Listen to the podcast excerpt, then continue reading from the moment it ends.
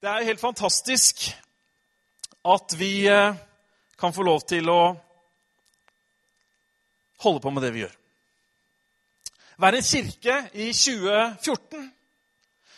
Eh, møtes sånn som vi gjør, og samle tanker, samle sinn, rette fokus, sånn som vi gjør her hver eneste søndag. Og vi er jo i full gang med årets tema, Gud og jeg. Vi vet at Bibelen er full av det faktum at Gud elsker hver eneste en av oss. Og ikke minst så er vi skapt i hans bilde. Vi er skapt til å ha fellesskap med han. Vi er skapt til å ha et nært vennskap med han. Derfor så vil vi fokusere på ulike sider av det aller viktigste perspektivet et menneske kan ha, nemlig Gud og jeg. Når koblingen mellom deg og Gud er på plass, så blir nemlig livet annerledes. Fokuset blir ikke lenger sånn snevert sentrert rundt deg sjøl, men snarere preger det som ligger Guds hjerte nært. Det preger oss. Livet blir annerledes, og det blir også evigheten. I dag så Altså Først må jeg fortelle litt her. Det var noen som nevnte OL. Og det er jo noen som kanskje har tatt OL og jeg-perspektivet innover seg i dag, snarere enn Gud og jeg. og således eh, ikke er her i dag. Men det er vanskelig i OL-tider med småbarn.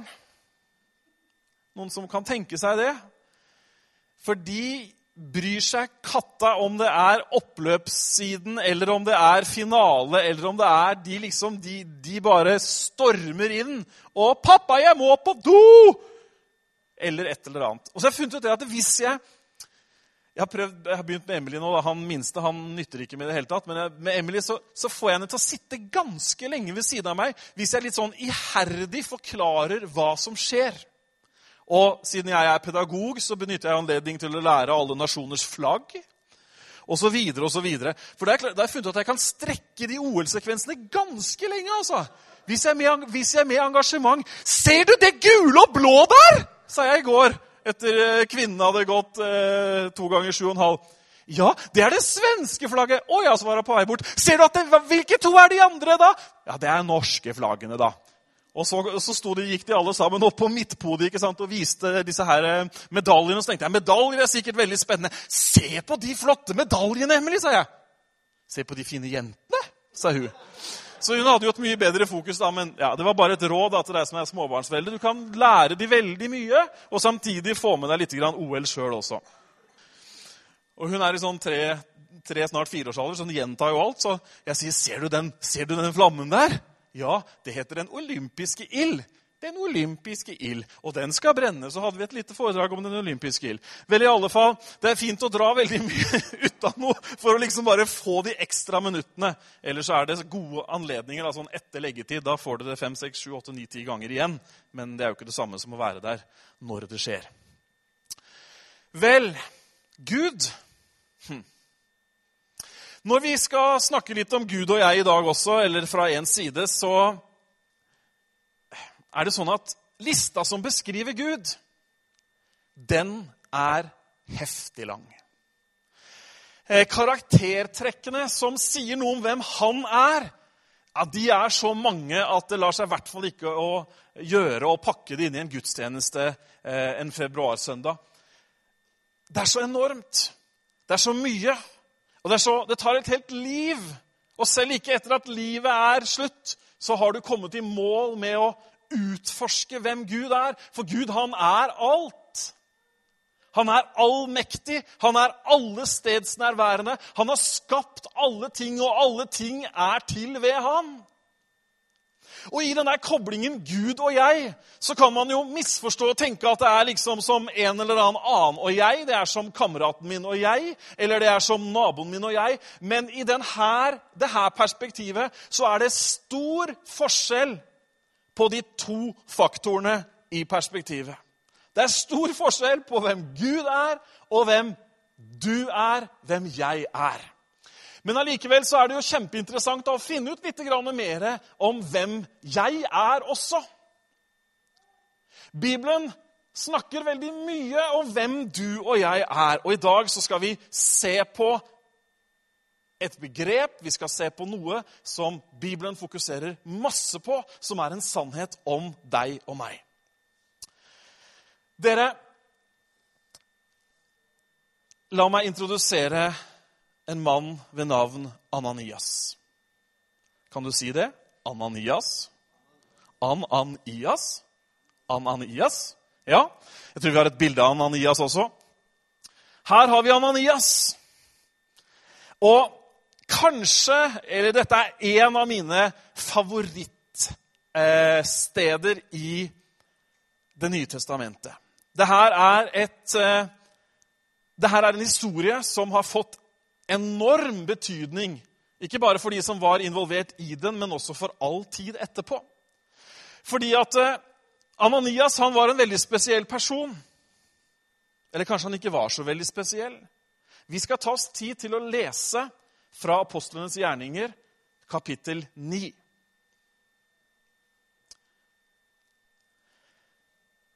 Saulus raste fremdeles mot Herrens disipler og truet dem på livet. Han gikk til ypperstepresten og ba om brev til synagogen i Damaskus for å kunne finne dem som hørte til veien, både menn og kvinner, og føre dem i lenker til Jerusalem. Underveis, da han nærmet seg Damaskus, strålte plutselig et lys fra himmelen omkring ham. Han falt til jorden og hørte en stemme som sa, 'Saul, Saul, hvorfor forfølger du meg?' 'Hvem er du, Herre?' spurte Saul, og svaret lød, 'Jeg er Jesus, han som du forfølger.' 'Men reis deg og gå inn i byen. Der vil noen si deg hva du skal gjøre.'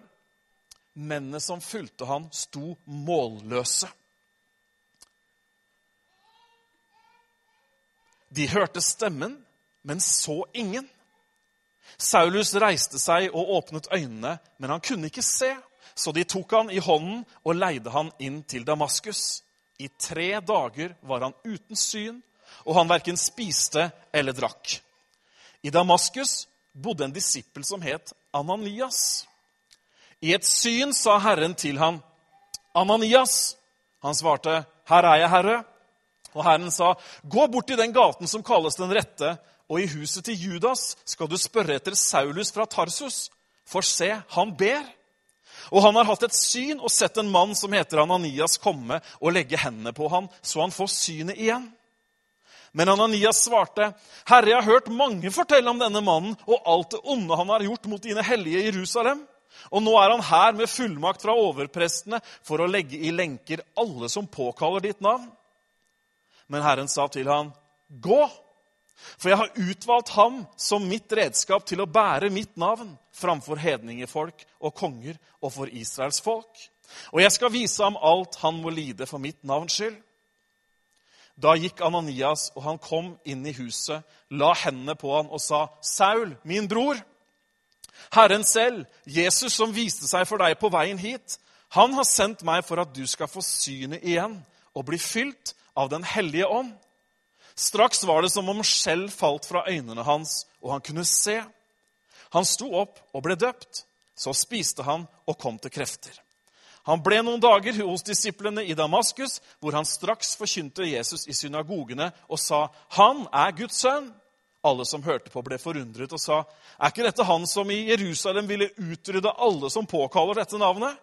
'Kom han ikke hit for å føre dem i lenke til overprestene?' Men Saulus fikk stadig større kraft, og jødene i Damaskus ble svar skyldig da han viste klart at Jesus er Messias. Vi stopper der. Hm. Har du hørt om Paulus? Dette er den interaktive delen. Den blir ikke lang. Har du hørt om Paulus? Ja, noen har hørt om Paulus. Veldig bra.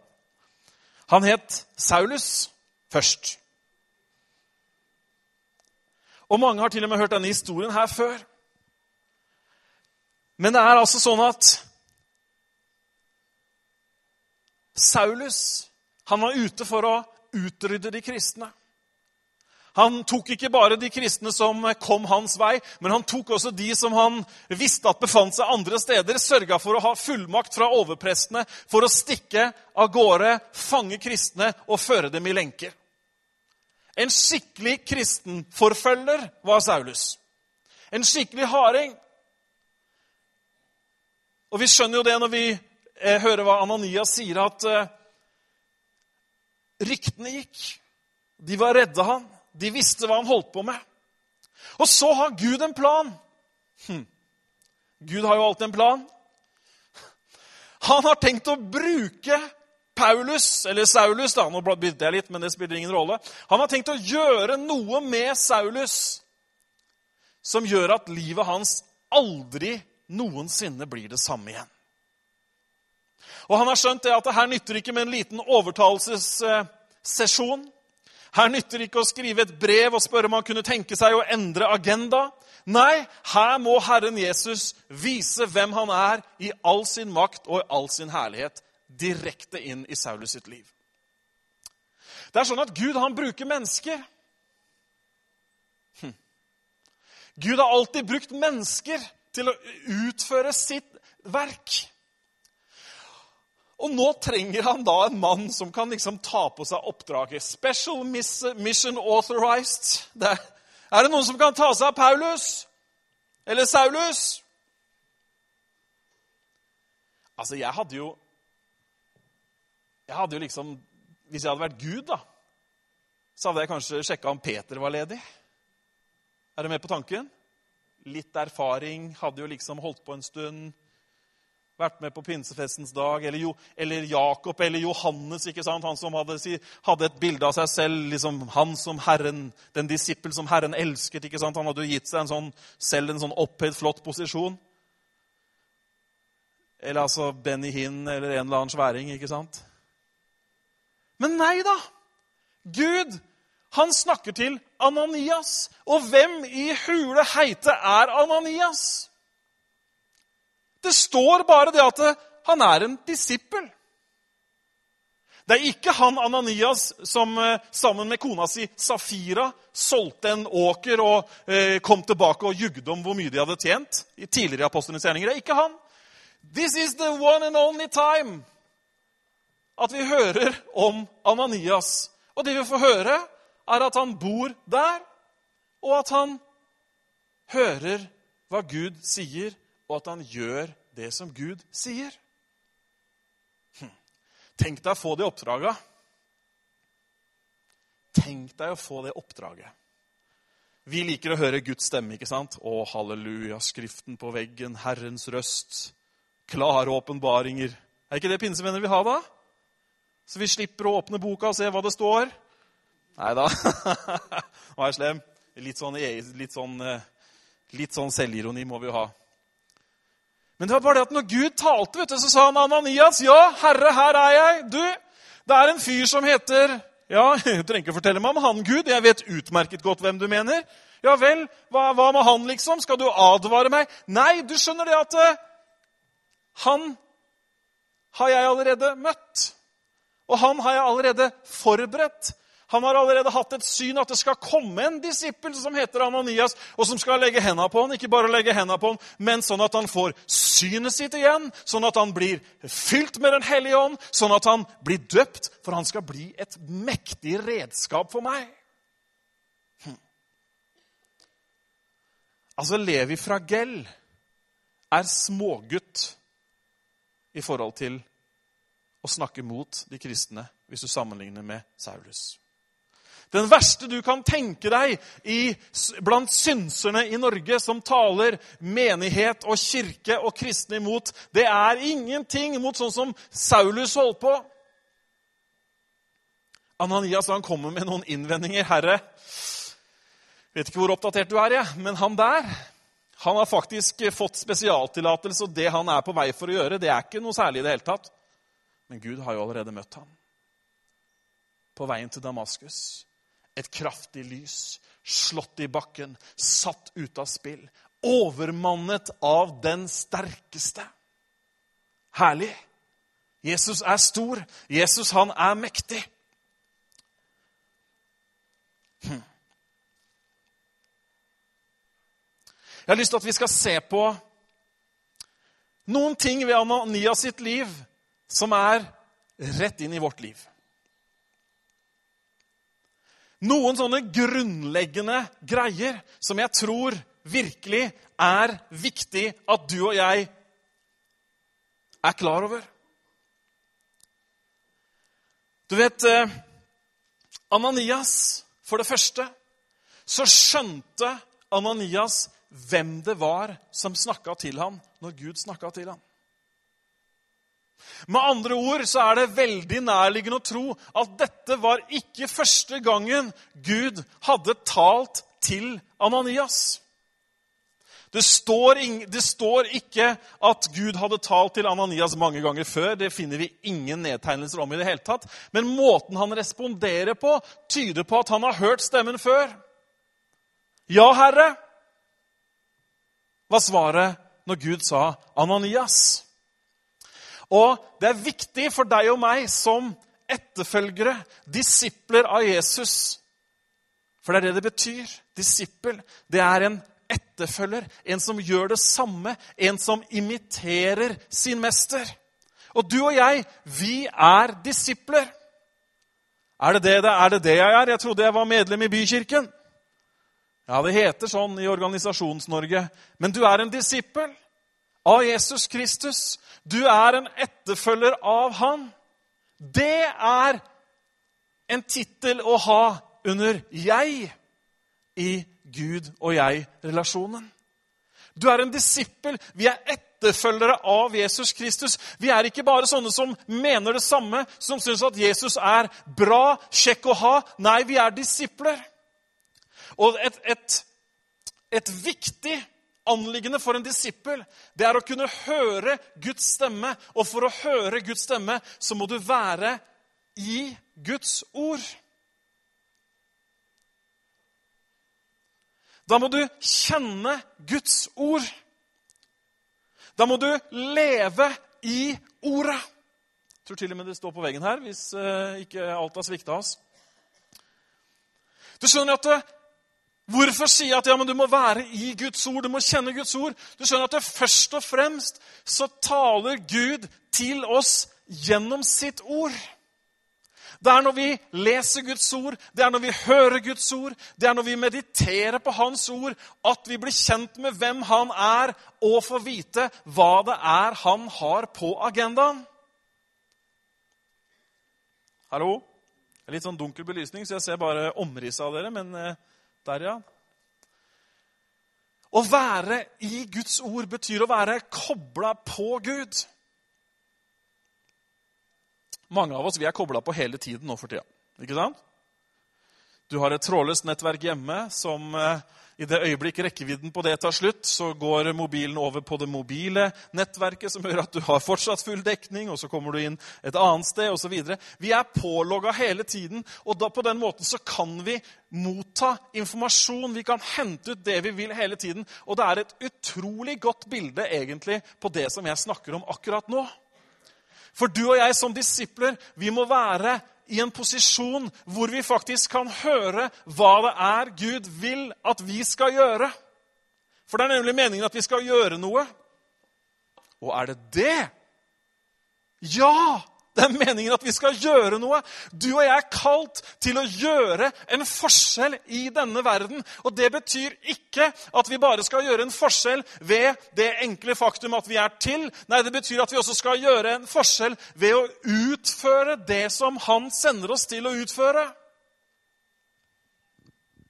Hva gjorde Jesus? Han er vårt store eksempel. Satt han stille i et kirkebygg og bare var i håp om at noe skulle skje? Jeg vet at jeg utfordrer, men det er helt ok.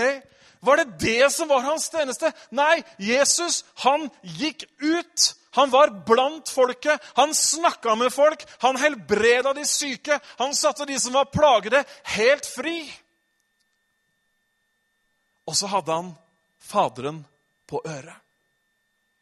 Han var leda av Gud. Akkurat som Ananias fikk input fra Gud om hva han skulle gjøre, så fikk Jesus input fra Faderen om hva han skulle gjøre. For han sa, 'Jeg gjør ingenting uten at min far i himmelen viser meg det. Jesus var på nett. Jesus var i ordet. Jesus brukte ordet. Ordet ble hans, grunn, hans grunnlag for alt hva han gjorde. Ta f.eks. situasjonen hvor han ble frista. Jesus blir ført ut i ørkenen ikke sant? og blir frista av djevelen. Hva er det han svarer med? Han svarer med Guds ord. Han sier, 'Det står skrevet'. Du skal ikke sette Herren din Gud på prøve. Det står skrevet mennesket lever ikke bare av brød alene. Disipler. Vi må ta til oss av Guds ord, sånn at vi kan ha noe å gi. Hallo? Altså Hvorfor har vi kirke? Hvorfor har vi bykirken? Ja, nei, Det er jo sånn enveiskommunikasjon, så jeg må svare på spørsmålet òg. Hvorfor har vi kirke? Er, nå, nå, dere, Hvis noen har noen forslag Alt er riktig. Nesten. Fellesskap? Ja. Komme nærmere Gud? Ja. Oppbygge hverandre. Mye fint her nå. Er det med flere ting? Hvorfor, hvorfor eksisterer Kirken? Hvorfor sa Jesus at 'jeg vil bygge min kirke', og dødsrikets porter skal ikke kunne stå seg mot den? Og det skal ha det hyggelig hver søndag i kafeen. Vi skal være verdens håp. Vi skal være lys og salt. Mm, du verden. Salt. Lys. Aha. Forskjell. Flere ting. Er det greit at vi er litt direkte, eller? Skal jeg ta en eller annen Daniel og Løvehullen? Jeg har den her òg. Med flanellograf. du skjønner at Grunnen til at vi er kirke Jeg får hjelpe til litt med svarene, men det er fordi at Jesus har gitt oss et oppdrag. Jesus var rimelig radikal. Når han plukka sine disipler, så var det sånn Følg meg! Og så står det at de straks lot båten, garnet, svigermor og svigerfar være, og så fulgte de han. I dag, når vi skal få fart på disipler, så må vi bruke sånn gulrot der framme og Kanskje du kan være litt? Nei da, nå var jeg slem. Men det er faktisk sant. Vet du hva? Det er kjempevanskelig i mange menigheter i Vesten å få folk i gang. Å få folk til å være med, og få folk til å være kirke. Jeg har lyst til at vi skal se en radikal endring på det. For du skjønner at vi er til fordi at vi skal vinne flere mennesker for Gud. Det er første Alt andre dere sa, det er kjempebra, og det er sant, men først og fremst så skal vi vinne nye mennesker for Gud. Gå derfor ut i all verden, sa Jesus, og forkynn evangeliet. Gjør disipler. Hvorfor? Fordi Gud elsker verden. Derfor så skal vi bygge menighet. Derfor så skal vi være kirke. Fordi Gud, han bryr seg. Men hvis vi skal ha noe som helst sjanse og ha noe å komme med, da må vi leve et disippelliv hvor vi hører fra Gud, hvor vi mottar fra Han, og så gjør vi det Han sier. Du skjønner at Guds ord var ikke først og fremst ment for inspirasjon. Ja, men jeg blir så inspirert. Kjempefint. Men Guds ord er først og fremst instruksjon. Hm. Har du lest Paulus sine brev når han preker til de kristne? Han drar noen teologiske store sannheter i begynnelsen av brevene, og så kjører han på med praktisk instruksjon. Gjør det, gjør det, vær sånn, møt mennesker på den måten, osv. Så, videre. så du og jeg som disippel, vi må være i Guds ord. La Guds ord være grunnvollen du står på. Ha beina planta i sannheten, i Guds ord, så vil hva da skje? Da vil følelsene komme etterpå. Hm. Hvis du og jeg skal bygge vårt disippelliv på hvorvidt vi føler for å gjøre noe til enhver tid lykke til. Det blir ikke mye ut av det. Men det er noe med det å høre, være lydig og gjøre. Er du med så langt? Det neste som eh, vi ser i Ananias, denne disippelen, som vi bare hører om denne ene gangen, det er at han stoler fullt og helt på det Gud sa. Ja, ja, han hadde sine meninger. Han hadde til og med noen innvendinger, men det endte med hva da?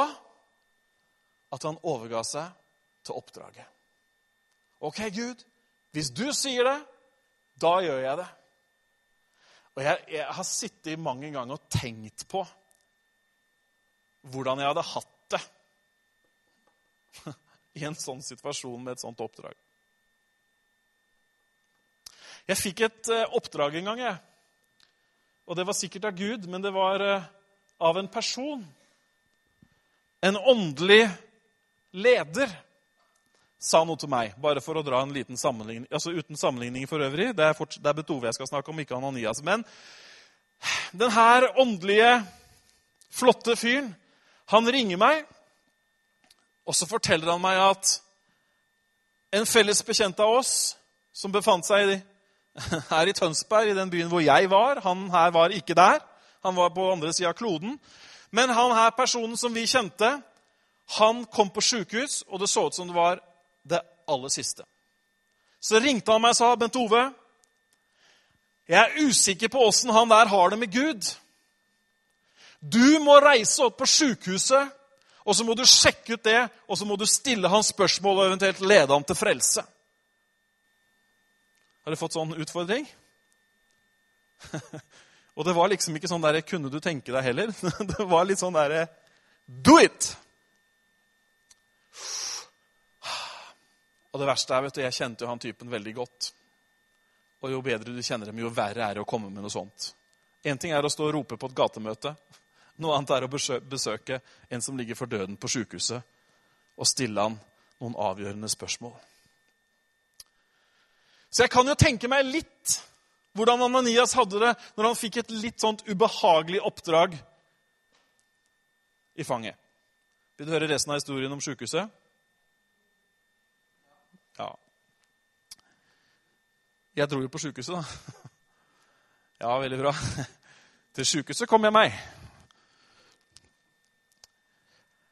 Men det som var så bra, det var at typen hadde jo kvikna litt til. Så jeg slapp å stille de spørsmålene. For, for utsiktene var veldig gode, og det gikk bra. Jeg var feig, vet du. Tenkte, kjære min tid. Men du skulle hørt når han her typen som var i et annet land akkurat da, ringte meg og sa, 'Vet du hva? Jeg tenker på evigheten hans. Du må reise dit.' Det er jo det det dreier seg om. Det er jo evigheten til folk.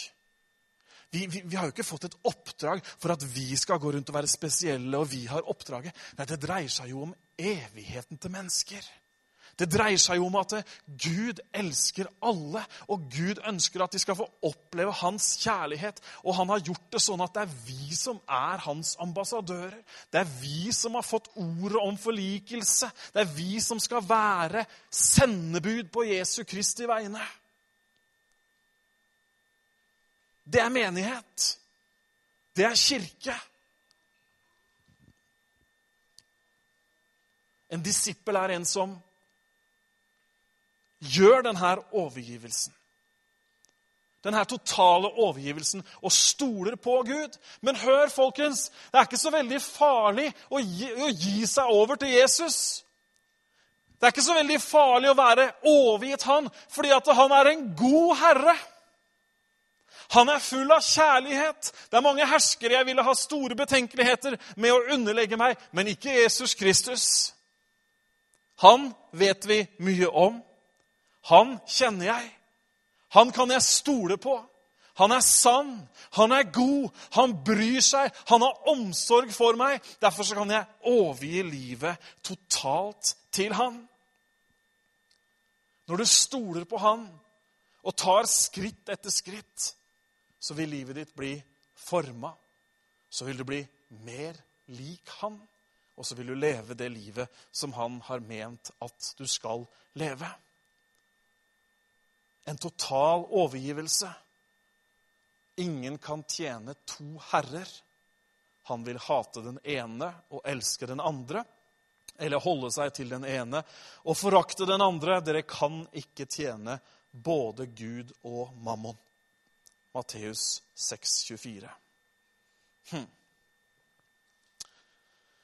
Ja vel. Skal du høre noe mer jeg fikk ut av historien om Ananias?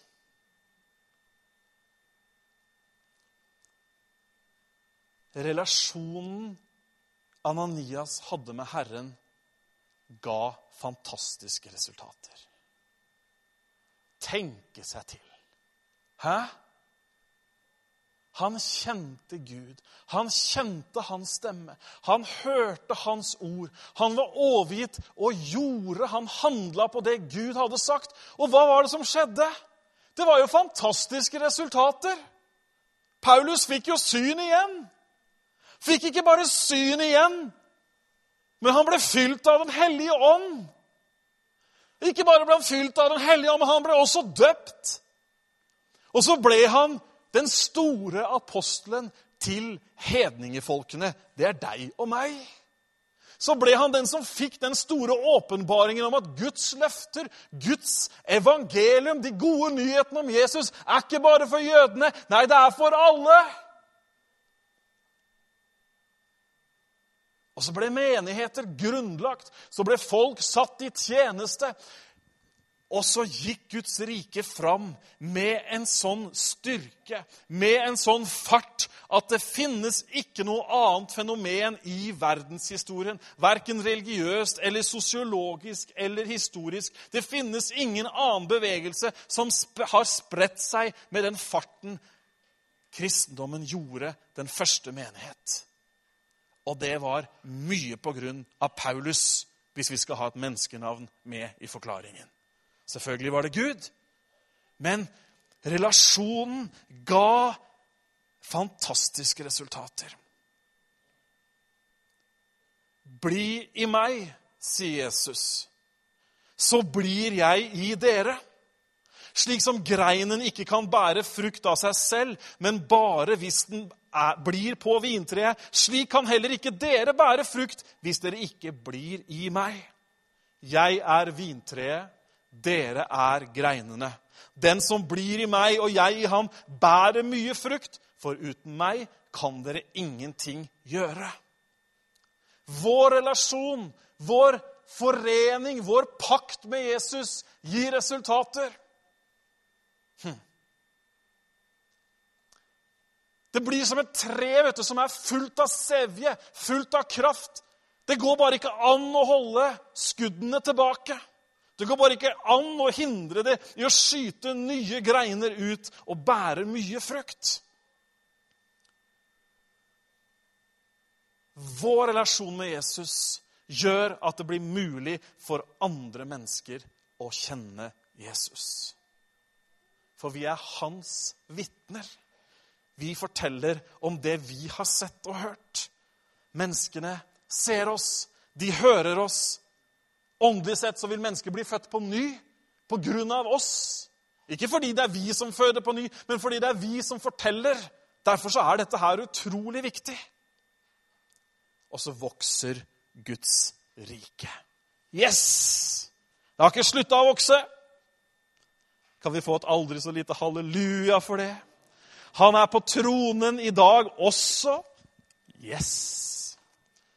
Han har ikke slutta å gi disiplene sine kraft. Han har ikke slutta å frelse mennesker fra evig fortapelse. Han har ikke slutta å helbrede de som er syke. Nei, han gjør det fortsatt. Hm. Vi går litt videre. Og vi snakker om viktige, grunnleggende ting hos en disippel. En disippel er en som betingelsesløst og selvoppofrende elsker andre mennesker. Ananias. Altså, jeg tror at selv om han, det var noe i han som sa ja, jeg kan stole på Gud, jeg er overgitt han, så er jeg helt sikker på at det var en menneskelig side i han som sa nå stikker jeg virkelig hodet inn i løvens gap. Tror du, Kan du tenke deg at han hadde en sånn tanke? Ja vel, det er med livet som innsats. Vi skal nå legge hendene på Saulus. Hvem legger hendene på hvem i siste runde av denne kampen? Så kommer han, og så har han bare skjøvet det til side. Fordi at han kjenner en kjærlighet til denne mannen. Og så hva sier han? Han sier, 'Saul, min bror'. Det er, det er en god måte å tiltale erkefienden på. Hallo, broder. Hei, bror. Hei, Saul. Det er broren din her. Fordi det var en kjærlighet. Hva er det som har vært drivkraften til alle pionerer i kristenheten opp gjennom alle tider? Hva er det som var drivkraften til Gud når han sendte Jesus Kristus? For så har Gud elsket verden at han gav. Og den er kjærligheten, den derre selvoppofrende, den uselviske kjærligheten, den har vært drivkraften gjennom alle generasjoner, gjennom alle tider. Den kjærligheten som gir uten å vente å få noe tilbake. Den kjærligheten som øses ut før man sjekker ut om man kommer til å få noe sjøl. Hva står det? Mens vi ennå var syndere så elsket han oss. Ha. Det er fantastisk. Med sitt eget liv som innsats.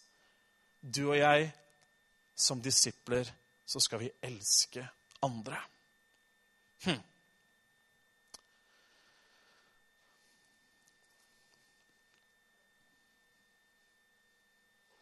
Hvis vi skal konkludere da, på disse her fem små vinklingene eller grunnlagene for å være en disippel, så må vi si det at mer enn noe annet Kanskje det var det som overskygga frykten.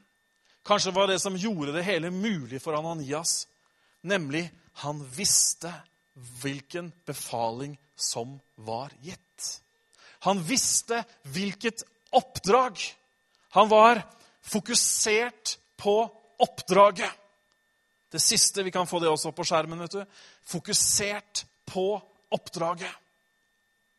Han visste at Jesus han hadde sagt noe før han forlot jorda. Han hadde sagt helt klart og tydelig Gå ut i hele verden, forkynn evangeliet. For alt som Gud har skapt, den som tror og blir døpt, skal bli frelst, men den som ikke tror, skal bli fordømt. Og disse tegn skal følge den som tror. I mitt navn skal de drive ut onde ånder. De skal tale nye tungemål. De skal ta slanger i hendene. Om de drikker dødelig gift, så skal det ikke skade dem. Når de legger hendene på syke, så skal de bli friske. Jeg tror Ananias tenkte, 'Herre Jesus, du har sagt det. Jeg må gjøre det.' Om jeg så blir slakta på stedet, så må jeg gjøre det. For du har sagt at jeg skal gå. Gud sier fortsatt i dag at du og jeg skal gå. Det betyr ikke at alle skal reise til jordens ender. Det betyr ikke at alle skal ha en eller annen tjeneste i noen bambushytter i varmere strøk. Men det betyr at alle som en, vi er Jesu disipler. Vi er kalt til å leve i Hans ord. Vi er kalt til å være overgitt. Vi er kalt til å se at resultatene kommer. Vi er kalt til å elske andre, og vi er kalt til å være fokusert på oppdraget. Det er derfor vi driver kirke. Du og jeg, Vi er disipler. Vi har en mester som vi ser opp til. Hans navn er Jesus Kristus, Guds sønn. Han som døden ikke kunne holde på. Han som ble betalingen for alt vi skyldte. Han som tok bort all verdens synd. Det er vårt forbilde.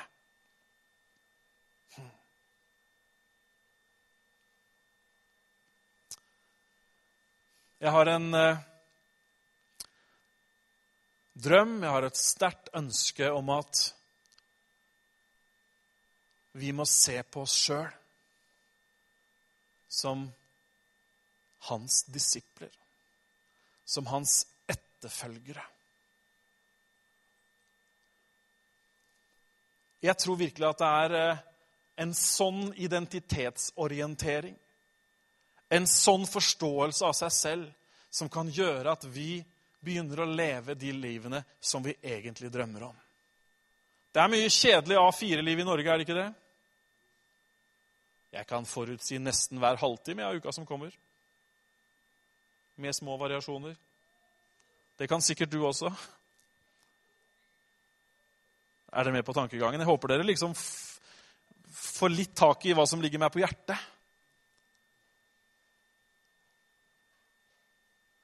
For skjønne at Det er nesten godt gjort, folkens.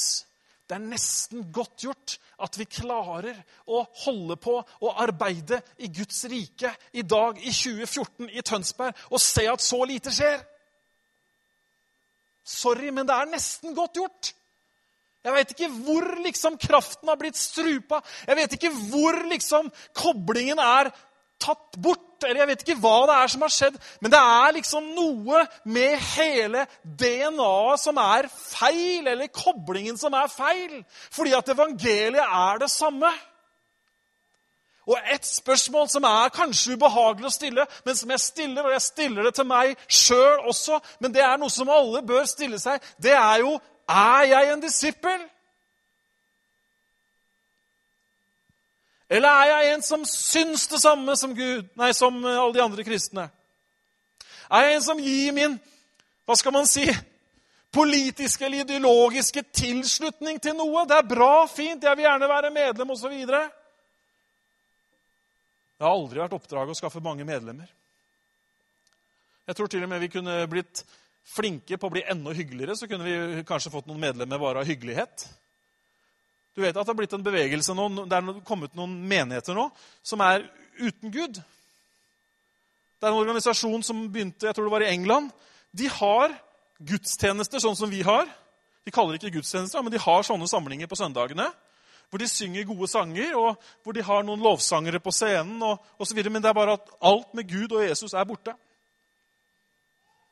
Har du? Det er helt sant. Og de har, til, de har, til, og med tatt noen misjonsturer og starta sånne lignende forsamlinger andre steder i verden. Og nå er det 13-14 stykker. Og folk kommer, vet du. For det er hyggelig. Kaffen er billig. Positiv atmosfære. Men det kommer jo bare til å bli en flopp, det. Det er jo ikke livsforvandlende å ha det hyggelig. Det er livsforvandlende å møte Jesus. Ikke sant? Så vi har ingen ambisjoner om å, bli, om å, bli, en sånn menighet. Det er jo helt utrolig at noen har kommet på det. men Jeg vet ikke om det begynte som et eksperiment, eller hva det er, men du kan jo søke det opp. Det var på noen forsider i noen aviser for et par-tre uker siden. Er jeg en disippel? Hm. Er jeg en sånn som Ananias? Som tusler rundt i byen min? Og så kommer en annen inn i byen, i andre enden av byen, og så sier Gud, du, nå er han her. Kan ikke du stikke bort og gjøre det? En ganske spennende liv. Og nå er jo vi blitt så siviliserte, så det er ikke så mange Sauluser rundt i Tønsberg. Men vi har alle våre sånne personer som vi skal nå. Hm. Jeg tror at du og jeg, vi Det kommer aldri da, til å dale en sånn disippelfølelse nedover oss. Det, det, kunne, det kunne vi pinsevenner likt. Vi kunne likt det. At det var sånn kan alle, vil, kan alle som vil, få disippelfølelsen, komme fram? Så skal vi legge hendene på deg, og så kommer det over deg i et øyeblikk. Ja, dere smiler. Dere har vært på sånne møter hvor de har sagt nesten det samme. Ikke akkurat det samme, men du skjønner at det, det funker ikke. Du kan komme fram og møte Guds kraft, og du kan Jeg har tro på forbønn for all del. Jeg sa ingenting mot det. Jeg har opplevd mange ting når jeg har blitt bedt for sjøl, og jeg har opplevd mange ganger at, har, at det har skjedd når jeg har bedt med folk. Det er ikke det. Men dette, dere, det dreier seg om å gjøre sånn som Matteus, Johannes og de andre tolv bestemmer seg. Jeg følger. Koste hva det koste vil. Jeg følger, jeg. Så enkelt, men allikevel kanskje så vanskelig. Med andre ord så er det ikke en sånn følelsesbasert respons på evangeliet, men det er en viljebasert respons på evangeliet. Jeg og mitt hus, vi vil tjene Herren. Skal vi reise oss opp?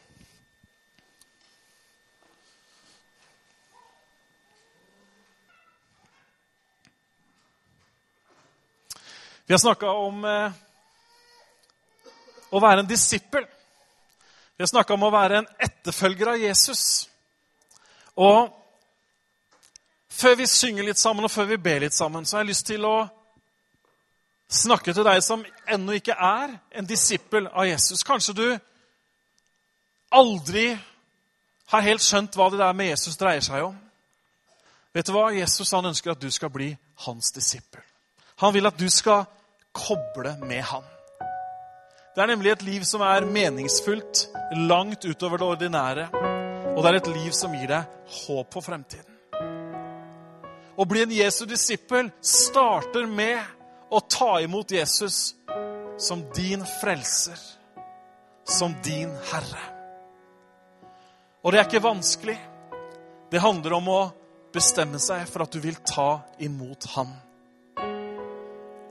Du kan kanskje tenke at det passer ikke nå, eller jeg skal vente litt, eller jeg skal ta det, jeg skal ta det en eller annen gang. vet du hva? Bibelen er veldig rett på sak og sier at i dag så er det frelsens dag. I dag kan du finne Gud. Og Før vi ber alle sammen, så har jeg lyst til å spørre hvis du er her som har lyst til å ta imot Jesus, koble med Gud, gjøre Han til din frelser og herre i livet, så skal vi be sammen. Så inkluderer jeg deg når vi ber. Så mens alle bare har øynene sine lukket litt til Vi er eh, litt fokusert. Hvis du er her og du vil ta imot Jesus som din frelser, så kan du rekke opp hånda di, og så skal vi be sammen. Er det noen?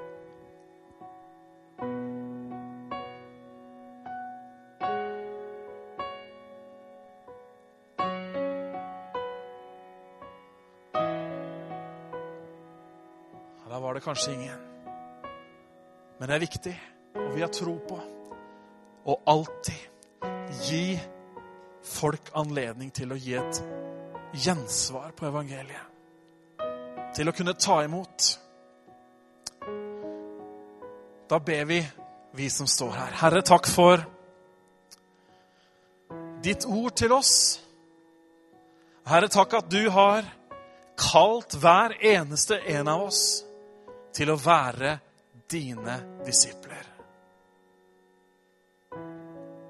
Du ønsker å bruke oss i hverdagen vår, der hvor vi oppholder oss, der hvor vi jobber, der hvor vi eksisterer. Så vil du at vi skal være sendebud med ditt fantastiske budskap. Herre, takk at du har gitt hver en av oss en vilje, en evne, til å kunne bestemme oss. Herre, jeg ber om at mange mennesker, mange menighetsfolk, mange medlemmer rundt om i andre menigheter og i vår menighet, Herre, skal leve et disippelliv sånn som Ananias. Hvor vi hører fra deg hvor vi hengir oss til deg, og hvor vi ser resultater. Takk skal du ha, Herre. Takk skal du ha. Amen. Du er min frelse.